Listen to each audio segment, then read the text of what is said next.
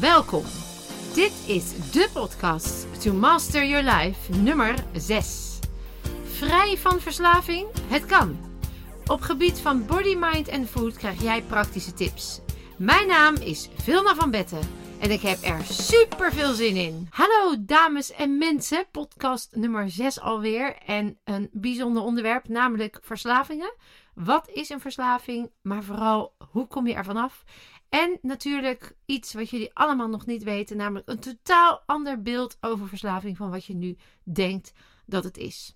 Want het meest gangbare beeld over verslaving is natuurlijk dat we iets van een stofje binnenkrijgen waar we op een gegeven moment zoveel van nodig hebben om hetzelfde gevoel te krijgen dat je er niet meer vanaf komt. En uh, nou, na heel veel onderzoek is gebleken dat dat misschien wel helemaal niet de oorzaak is van verslaving. En dus ook niet de cure. Um, de behandeling voor verslavingen slaan niet heel erg aan.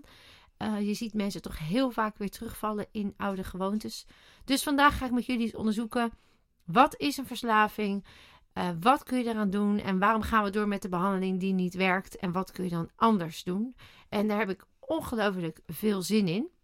En ik wil eigenlijk even beginnen met een voorbeeld wat bij mij in de praktijk onlangs nog uh, gespeeld heeft. Het is een jonge man. Hij is 19 jaar. En vanaf zijn vijftiende is hij begonnen met af en toe een blootje roken. Uh, dat heeft geresulteerd tot regelmatig een blootje roken. Dat leidde tot een psychose. En uiteindelijk uh, is hij opgenomen in een kliniek. Eerst uh, eh, niet, hè, dus niet vrijwillig en later vrijwillig. En in die kliniek, wonderbaarlijk genoeg, heb ik eens nagevraagd wat de behandeling was. Daar ga ik jullie straks iets meer over vertellen. Toen hij eruit kwam, was in eerste instantie bleek hij genezen van blowen. Wat de kliniek niet wist, is dat hij ondertussen gamede en dat hij ondertussen Red Bull nam alsof het water was. En eigenlijk van de ene in de andere verslaving was gedoken. Dus de problematiek opnieuw begon. En uh, inmiddels uh, in een vrijwillige opname zat en in de weekend thuis uh, mocht komen. Nou, deze jongeman heeft een live programma gevolgd en heeft nu zijn leven op orde, is vrij van welke verslaving van ook dan ook. En vooral heeft een invulling gegeven aan zijn leven waar hij nu blij van wordt en gelukkig van wordt. Dus hij heeft er iets moois voor in de plaats. Nou, daar wil ik eigenlijk vandaag eens even op inzoomen. Hoe kan dit? En wat is er dan eigenlijk gebeurd in die kliniek? En wat ik begreep, en ik heb ze ook even opgebeld om dat te verifiëren, is dat toen hij uh, dagelijks blode en daarmee dus eigenlijk zijn brein in slaap zette en ook uh, hersencellen letterlijk afstierven, en waardoor ook de doorgang naar de prefrontale cortex, waar oorzaak-gevolg, impulsbeheersing, empathie en allemaal dat soort mooie eigenschappen die we zo hard nodig hebben in de maatschappij waar we met elkaar willen samenleven, liggen, uh, als het ware uitstaat. En um, nou ja, wat ik dus begreep, is dat hij daar uh, kwam, ochtends om half acht werd gewekt, vervolgens tussen half acht en half elf konden ze ontbijten. Doe je dat niet, ook goed. Dus dan liggen ze een beetje op bed. Ze hebben wel een telefoon, dus ze kunnen dan wel gewoon gamen op hun telefoon. Dat was ook wat hij dan deed. Hij ging vaak niet ontbijten. In de pauzes gaan ze dan met de begeleiders naar buiten. In het reglement staat dat er dan uh, de begeleiders niet roken. Nou, de meeste roken wel. Dus ze gaan dan gezellig met de begeleiders een uh, sigaretje roken. Als ze dan even verder naar buiten mogen, dus even een ommetje maken buiten het terrein, ja, dan kunnen ze natuurlijk gewoon naar de winkel en uh, Red Bull halen. Want in het urineonderzoek wordt vooral alleen maar gekeken of er uh, wiet, hè, dus restanten zitten van het blowen. En dan vervolgens de rest van de dag, ja, kom je een beetje zo door. En toen ik aan hem vroeg van, ja, maar heb je dan geen dagbesteding? Wordt je prefrontale cortex niet geactiveerd? Zijn er geen middelen om jou uh, ja, levenslessen te geven. Om jou weer te leren het leven leuk te vinden op een andere manier. Nou ja, dat was er niet. Daar was geen tijd voor. En daar waren de mensen dan op dat moment ook niet mee bezig. Nou, dat verhaal was natuurlijk schrijnend. En ik zeg niet dat dat in iedere kliniek gebeurt. En ik zeg ook niet dat het overal gebeurt. Bij deze jongen gebeurde dit toevallig wel. En voor mij aanleiding om deze podcast te beginnen omdat ik merk dat we op dit moment heel veel, met name jongeren hebben, die last hebben van verslaving. Uit onderzoek blijkt dat 1 op de 5 jongeren in ieder geval uh, begeleid wordt op dit moment. Dat vind ik veel.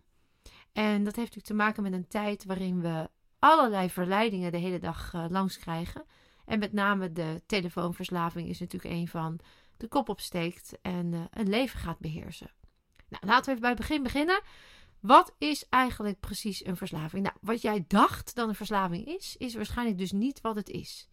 Want wat dachten we vroeger, en dat is nog steeds wel aan de hand, maar is niet per definitie een gegeven dat leidt tot een verslaving. Wat men vroeger zei is: als jij begint met het spuiten van heroïne, dan maakt dat in jouw brein een uh, dopamine aan. Dat is een feel-good stofje, een beloningsstofje.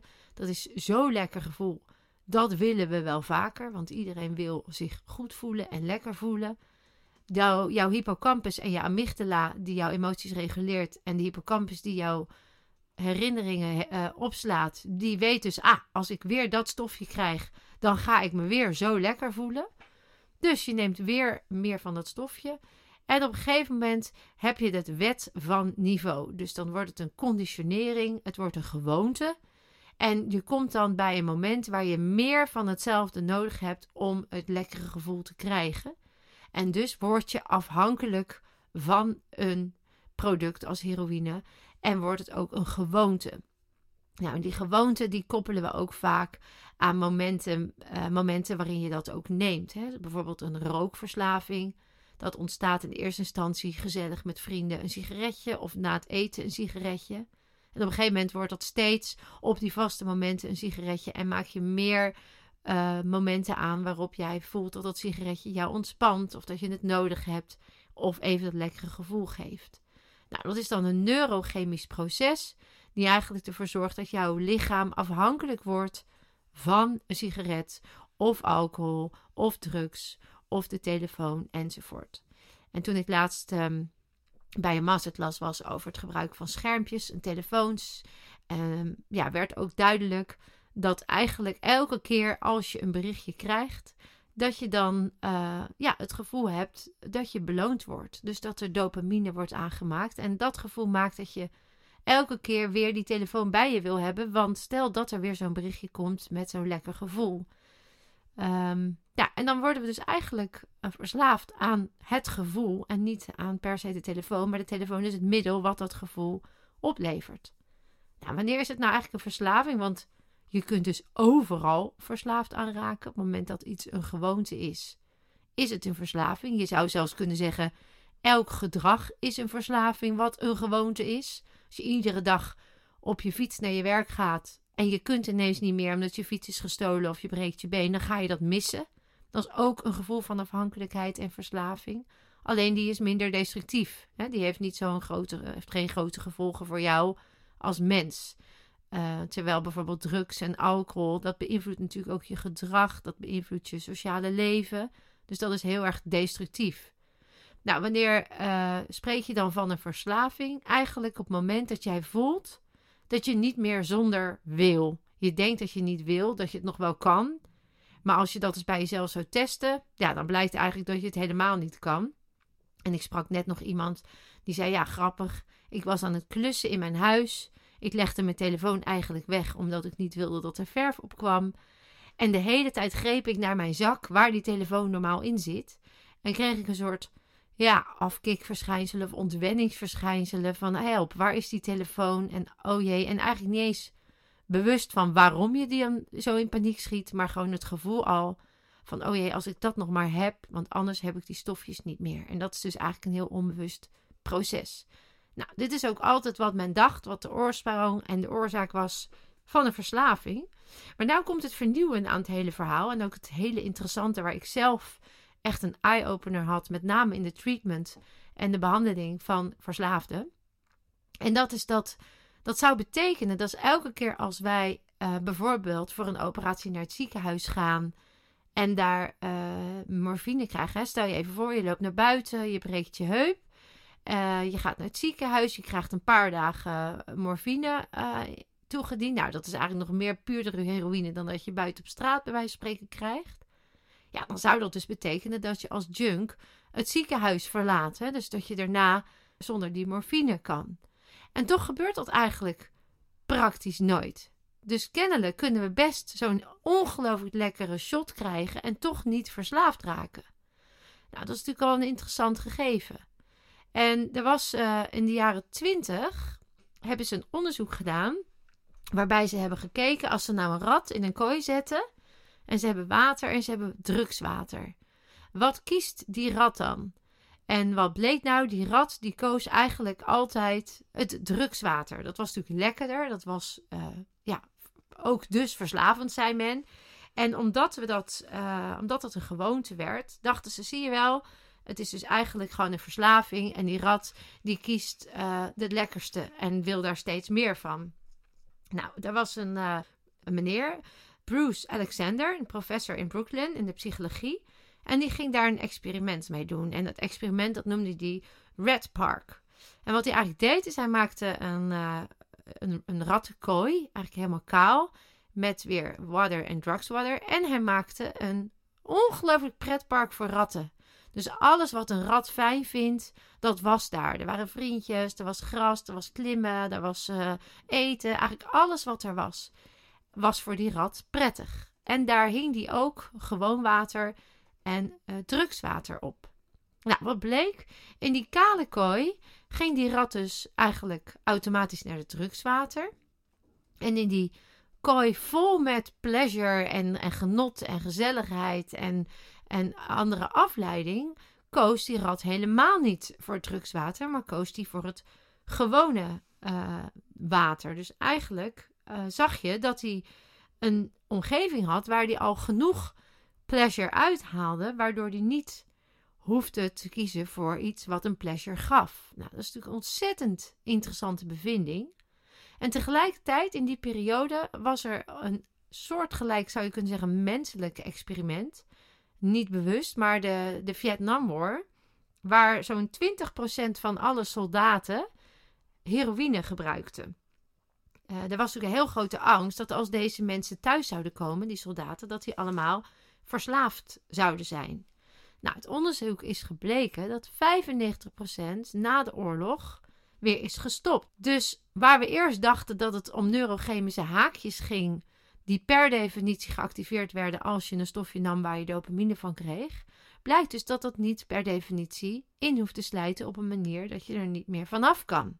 Er zijn dus meerdere factoren van belang bij een verslaving en die lijken te wijzen naar de omgevingsomstandigheden.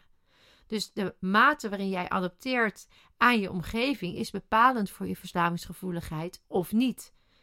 Nou, Peter Cohen, dat is een Nederlandse professor, die spreekt dan ook van, nou, die zegt dus niet, het, is, het gaat hier over een verslaving, no addiction, maar het gaat over bonding. Dus de manier waarop jij kan binden met je omgeving. En als je dat niet kunt, dan zul je gaan bonden met iets anders. Want onze basisbehoefte in de mens is dus binding. Dus je zou kunnen zeggen, als ik me met iemand kan binden, als ik kan connecten, dan wordt er een behoefte in mij vervuld. En dan voel ik me vrij, dan voel ik me gelukkig, dan maak ik keuzes die gezond en verstandig zijn. Terwijl als ik niet kan binden, een leegte voel, dan is iets wat voorhanden is, wat meteen die leegte opvult. En dat kan dus seks zijn, dat kan alcohol zijn, dat kan drugs zijn, maar dat kan eigenlijk van alles zijn dan is dat waarin je je verliest, omdat dan dat neurochemische proces op gang komt. Nou, ik vond dat een waanzinnige uh, eye-opener, zeker als je kijkt naar de behandeling van verslaving. waar we nu gericht zijn eigenlijk op die mensen te labelen, in een isolement te plaatsen. Uh, mensen worden ook vaak gezien als vies of uh, onhandelbaar juist daarmee disconnect je eigenlijk. Zeg je eigenlijk, ik kan niet binden met die persoon, want hij maakt mijn leven kapot. En dus je ziet dat ook familie en vrienden en kennissen ja, heel erg hun best doen om te banden, maar niet dat diepere gevoel meer kunnen vullen. En dat zal die persoon dus in eerste instantie zelf moeten gaan leren. Dus dan, uh, zolang die, die persoon niet zelf kan leren binden, kun je eigenlijk blijven trekken aan een verslaafde, maar word jij eigenlijk de verslaafde van de verslaafde, omdat jij dat weer als gewoonte ontwikkelt om diegene te redden of om het op te lossen voor die ander. En wordt ook jouw leven bepaald door verslaving. Nou, dat is eigenlijk een heel mooi uh, inzicht dat we in de behandeling mee kunnen nemen. En daar kom ik straks natuurlijk even uitgebreid op terug. Dit is puur even gekeken naar biologisch, hè, gedragswetenschappen, neurowetenschappen. Dan hebben we ook nog zoiets als energetische geneeskunde. Die kijkt ook op een bepaalde manier naar de verslaving. Ja, en die zegt eigenlijk: uh, jij moet gewoon stromen. Jouw lichaam heeft, uh, is energie. Alles zijn cellen, moleculen en atomen. En die hebben een beweging. En in de juiste beweging, ik heb het er al eerder in andere podcasts ook over gehad. Ja, dan ben je eigenlijk vervuld van al je basisbehoeften. Dan werkt alles optimaal en dan voel jij je in balans en gezond. Nou, op het moment dat daar iets verstoord is, en dan komen we natuurlijk toch weer terug op dat verleden waar jij niet hebt kunnen binden, waar je niet de liefde hebt kunnen krijgen die je nodig hebt gehad, of de aandacht, ja, dan is daar een energie verstoord. Dan ben je uit balans geraakt. En kunnen de energiebanen, de meridianen, eigenlijk helemaal niet meer hun werk doen. En dan is natuurlijk het grijpen naar iets wat direct een lekker gevoel geeft, makkelijker en sneller. En zolang je niet die energiebanen weer recht zet, zul je dus ook die verslaving moeilijk kunnen overwinnen. dus dat zijn allemaal mooie componenten die we mee kunnen nemen in de behandeling van een verslaafde. Nou, dat is wat ik in mijn eh, Body Mind Reset ook doe. Ik uh, kijk heel erg naar uh, hoe lopen de energieën bij iemand. Zijn die inderdaad verstoord? Ja, dan is het helingsproces sowieso al ingewikkeld. Natuurlijk wil ik weten hoe diegene in zijn basisbehoeften is voorzien. En hoef ik niet door alleen maar over het verleden te praten. Maar ik wil vooral hoe hij naar de toekomst kijkt en naar zichzelf weten. En natuurlijk ook hoe zijn de neurochemische processen op dit moment zo geprogrammeerd dat als we het gaan resetten, dat we dat kunnen uitdoven en er iets nieuws voor in de plaats kunnen zetten. Nou, die drie componenten zijn natuurlijk de basisingrediënten van de Body Mind Reset.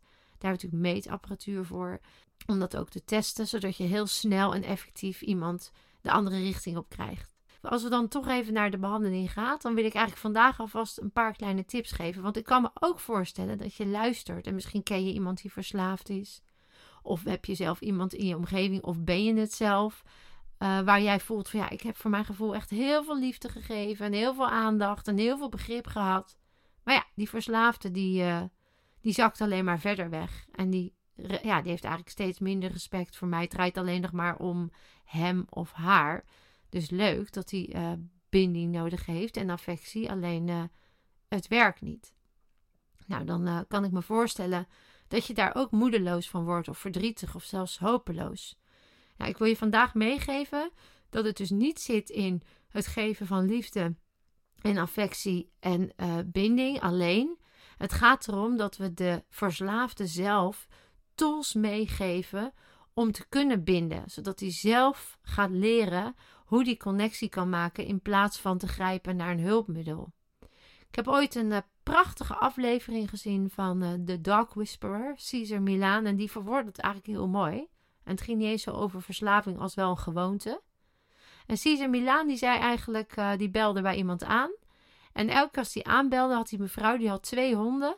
En dan gingen die honden als een gek tekeer. Die gingen blaffen en echt, uh, ja, zodat ze eigenlijk helemaal niet die persoon binnen kon laten. Ze kon heel moeilijk visite ontvangen. En ze had daarop bedacht dat ze een uh, waterspuit had, een plantenspuit.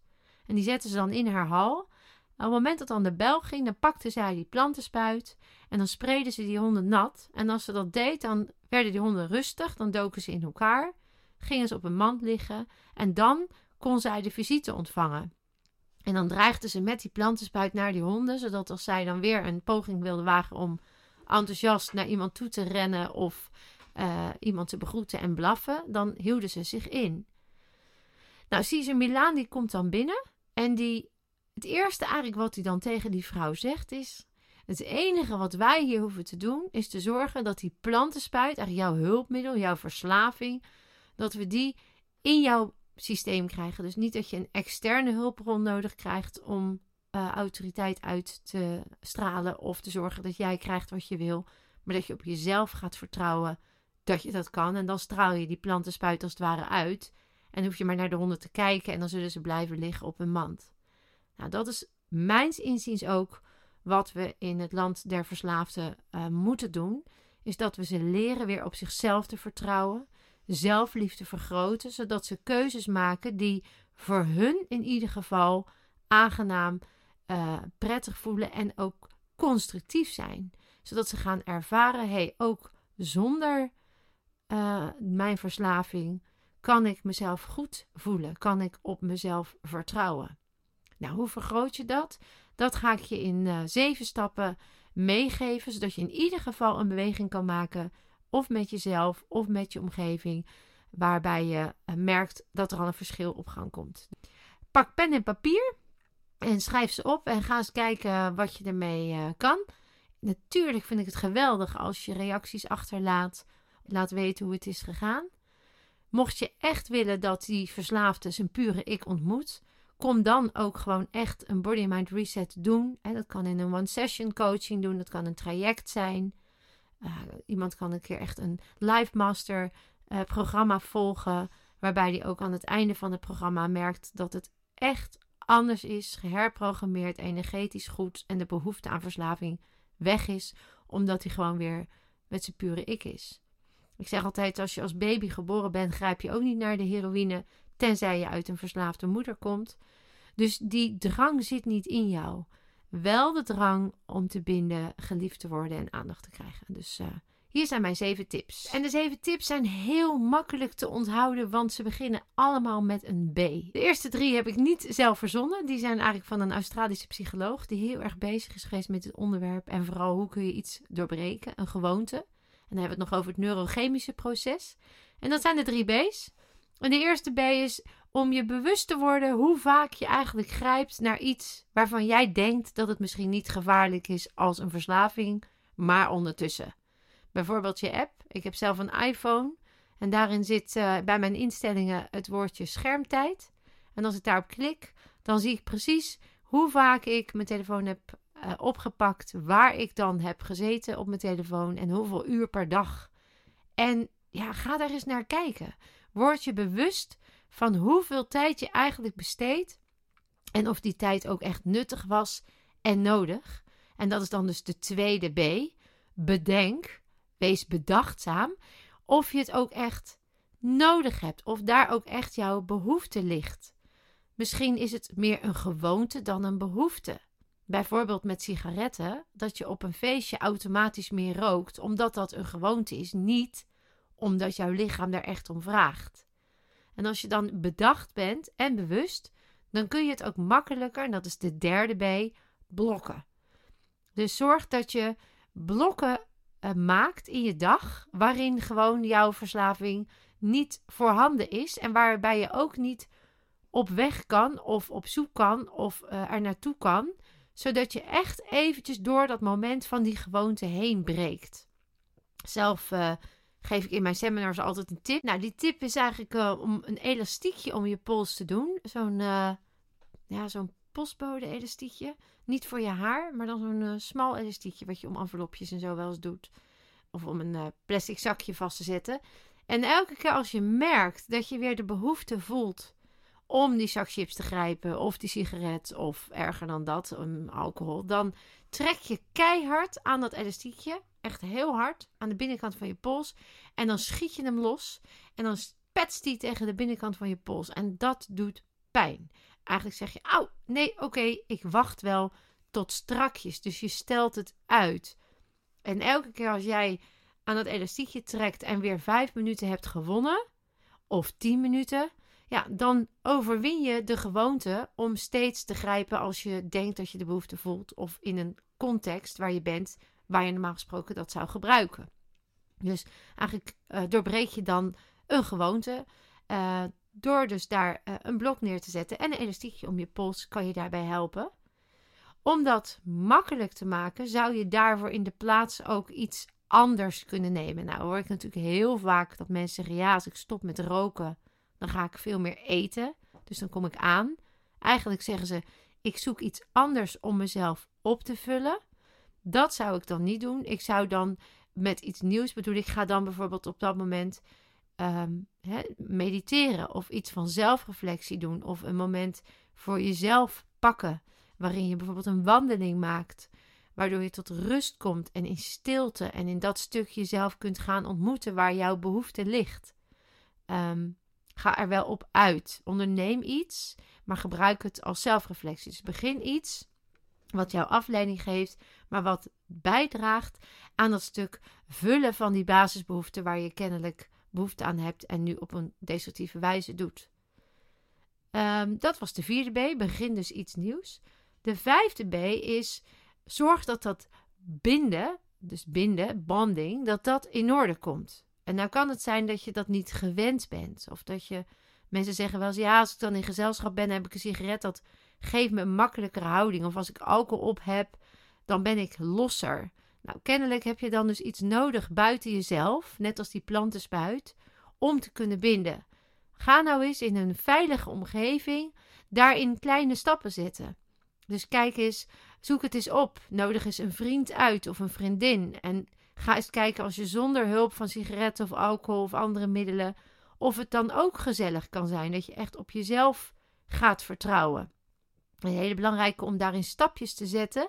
En dat begint door mensen uit te nodigen of anderen te vragen jou uit te nodigen als je dat zelf een moeilijke stap vindt.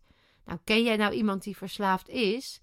Neem jij dan die eerste stap in dat banden en ga ook diegene uitdagen en zeg ik neem jou mee. Alleen alles waar jij aan verslaafd bent, laten we thuis. En dan gaan we eens kijken hoe dat gaat. Dus ga een challenge aan met diegene en um, help diegene door dat punt heen waar die behoefte normaal voelt. En laat die persoon maar eens ervaren dat als hij daar doorheen gaat, dat er eigenlijk niets aan de hand is en dat het altijd goed komt. Dus dan krijgen we meer vertrouwen. En als je meer vertrouwen krijgt, durf je op jezelf te gaan vertrouwen.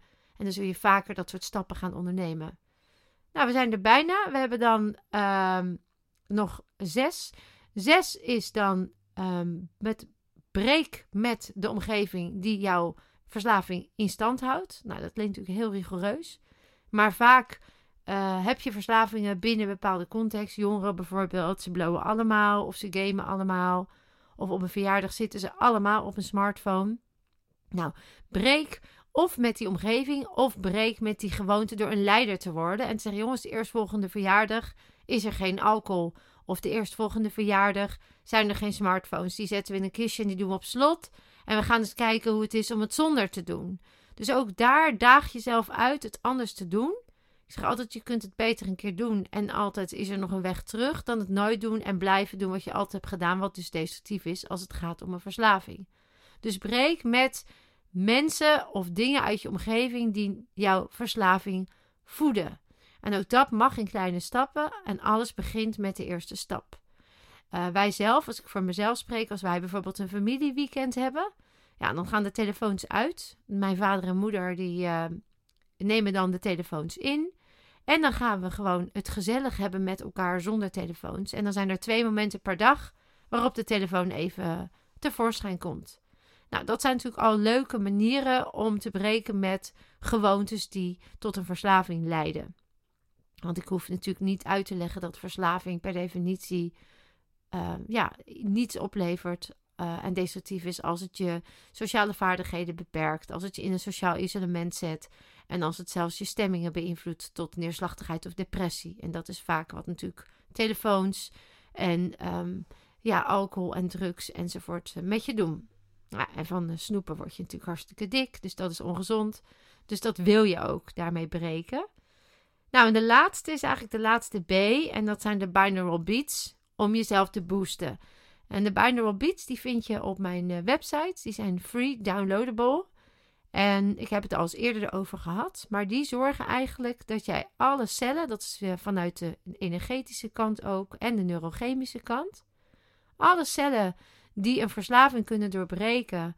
Alle trillingen, alle frequentie, alle neurochemische stofjes die daarbij horen om die versneld aan te maken, kun je middels binaural beats stimuleren en activeren.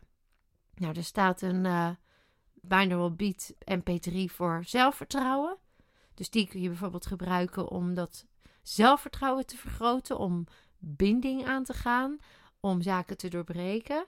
Uh, zo is er ook een binaural beat MP3 die jou tot een diepe ontspanning kan krijgen, waardoor je minder behoefte voelt in een gespannen moment om te grijpen naar eh, zekerheid, hè, dus de verslaving buiten jezelf. Dus dat je ontspannen bent met jezelf en in rust ook makkelijkere, goede keuzes kan maken. En er is een Binaural Beats MP3 die zorgt dat jij uh, je helende vermogen activeert. Dus waar jij leegte voelt, waar jij je alleen voelt of niet begrepen hebt gevoeld. Hè, want het is nu misschien al lang niet meer. Maar die oude conditionering die ligt daar nog. Dat is nog geblokkeerd. Nou, deze MP3 zorgt ervoor dat de blokkades opgeheven worden en sneller tot een mooier helingsproces komen waarin jij je pure ik makkelijker kunt ontmoeten. Dus ik herhaal nog even de zeven B's. 1 is wees bewust. 2. Bedenk of je het echt nodig hebt. 3. Blok. Gebruik daarbij het elastiekje. 4. Begin iets nieuws. Zoek afleiding. 5. Begin met binding. Begin met kleine stapjes. Uh, nodig mensen uit of laat de ander jou uitnodigen. Breek met de omgeving of gewoontes. En 7 is boost jezelf binaural beats. Middels binaural beats. Ik vond hem uh, heerlijk, deze uh, podcast. Ik hoop dat jullie er zelf ook heel veel aan hebben gehad. Neem gerust een kijkje op mijn website. Als je denkt dat iemand hier iets aan kan hebben, deel, like en share. Want dan maken we met elkaar de wereld een beetje mooier. En dat is mijn missie, zoals je weet. En mocht je reacties hebben of tips, laat het me weten. Ze staan ook op YouTube, de podcast. Daar kun je onder reageren. Dus um, misschien zeg je wel, nou, ik heb ervaring ermee, daar wil ik ook iets over delen. Want hoe meer we elkaar kunnen inspireren, hoe makkelijker het voor elkaar wordt. Ik wil jullie onwijs bedanken weer vandaag. En uh, ja, volgende podcast is over emoties. Hoe zorg je dat je emoties beheerst? Hoe zorg je dat je emotioneel in balans bent? En uh, daar gaan we het uitgebreid over hebben. Ik uh, hoop je snel een keer te zien bij een van de seminars. En voor nu een hele fijne lievelingsdag. En onthoud, Jij kunt meer dan je denkt.